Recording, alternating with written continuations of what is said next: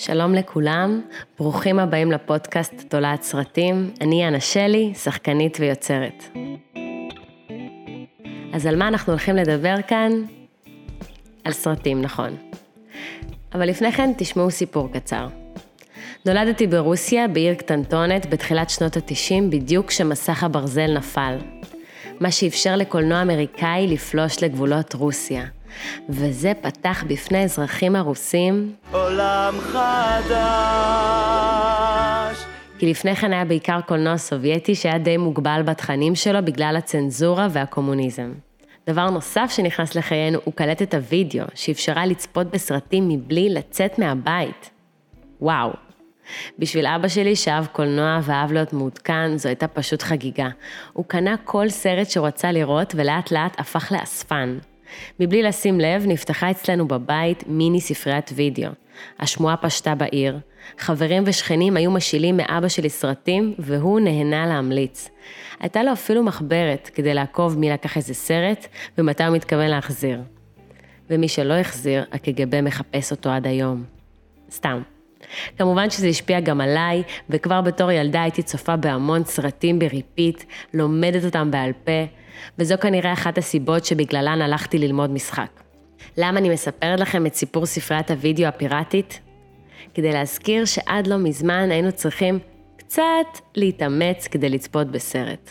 ללכת לקולנוע או לספריית וידאו, או ממש לקנות את העותק של הסרט. ואולי המאמץ הוא זה שנתן יותר משמעות לסרט שראינו, אבל מה שבטוח זה הפך את זה ליותר חגיגי. היום המצב הוא אחר לגמרי, כמו בשיר.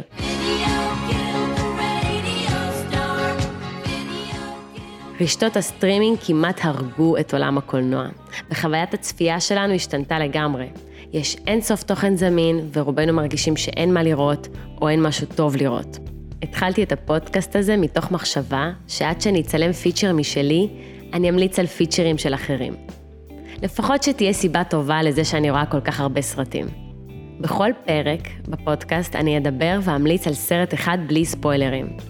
כל מי ששומע את זה ואומר לעצמו, די, אין לי זמן לראות סרטים, פיתחו מיד את הטלפון שלכם, הסתכלו על גרף צריכת האפליקציות שלכם, ותחשבו כמה שעות אתם צורכים בשבוע אפליקציות כמו אינסטגרם, פייסבוק, טיק טוק, וואטסאפ. אז אני רוצה שתעשו טובה לי ולעצמכם, ופנקו את עצמכם בסרט טוב פעם בשבוע. לכו תדעו, אולי ממש תתרגשו, או אפילו תבכו, או תגלו משהו חדש.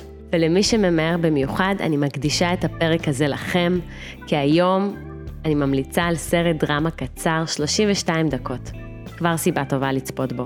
הוא זמין בנטפליקס וגם הוא זכה באוסקר לסרט הקצר הטוב ביותר. שמו של הסרט זרים גמורים, ובאנגלית Two Distant Strangers. היוצרים של הסרט הם טרוון פרי ומרטין דיסמונד. אפשר לומר שזה סרט הביכורים שלהם, כי עד כה הם היו מוכרים כמפיק ותסריטאי. הסרט מספר על גבר שמנסה לחזור אל ביתו ואל כלבו, הוא נתקע בלולאת זמן ונאלץ לחיות מחדש מפגש קטלני עם שוטר.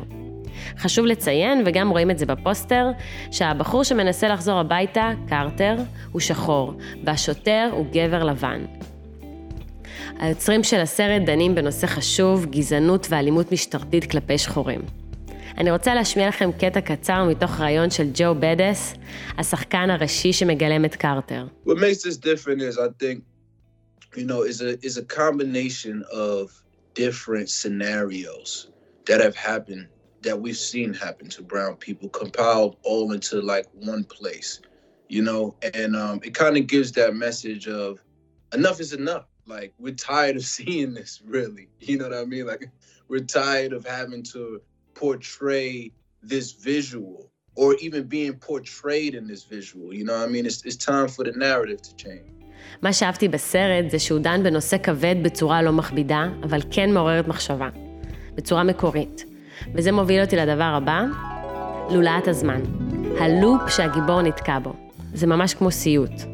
אני אוהבת את האלמנט הפנטסטי הזה בתוך הסרט הריאליסטי.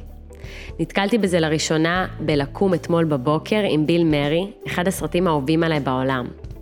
ואני חושבת שהסרט הזה מושפע ממנו, וזו גם הסיבה שהוא קרץ לי לצפות בו. גם בזרים גמורים, לולאת הזמן אינה מוסברת בצורה הגיונית, וזה גם לא כל כך משנה, אנחנו פשוט מתמסרים לעובדה שזה קורה. האלמנט הזה מעצים את הקונפליקט, צורה שתומכת תוכן, ומעלה את השאלה האם יש פתרון לבעיה.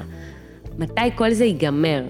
יש בסרט רגעים שבהחלט הצליחו למתוח אותי, וגם להפתיע אותי מבחינת הטוויסטים בעלילה. למרות שזה סרט קצר, היוצרים הצליחו לגרום להזדהות עם הגיבור, וזה לא מובן מאליו. אני ממש רציתי לראות אותו חוזר הביתה. לא אגלה לכם מה קרה בסוף. זרים גמורים, זמין בנטפליקס. תודה רבה שהאזנתם לפרק הראשון. אני מאוד מקווה שתהנו מהסרט, ונתראה בפרק הבא.